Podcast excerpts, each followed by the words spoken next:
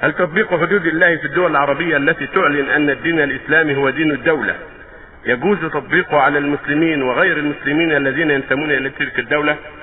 يجب على الدولة تطبق الشريعة على المسلمين وعلى غير المسلمين من النصارى فيها واليهود فيها وأخذ الجزية منهم إذا قدرت إن لم تقدر على أخذ الجزية أمنتهم البلاد وتركتهم إذا كان لا تستطيع أخذ الجزية لكن تمنعهم من العدوان على الناس وظلم الناس وإيذاء الناس تجتهد في حفظ أمن البلاد من أعداء الله وتلزم المسلمين بطاعة الله ورسوله وتقيم عليهم الحدود من جلد الزاني وقطع السارق وغير ذلك.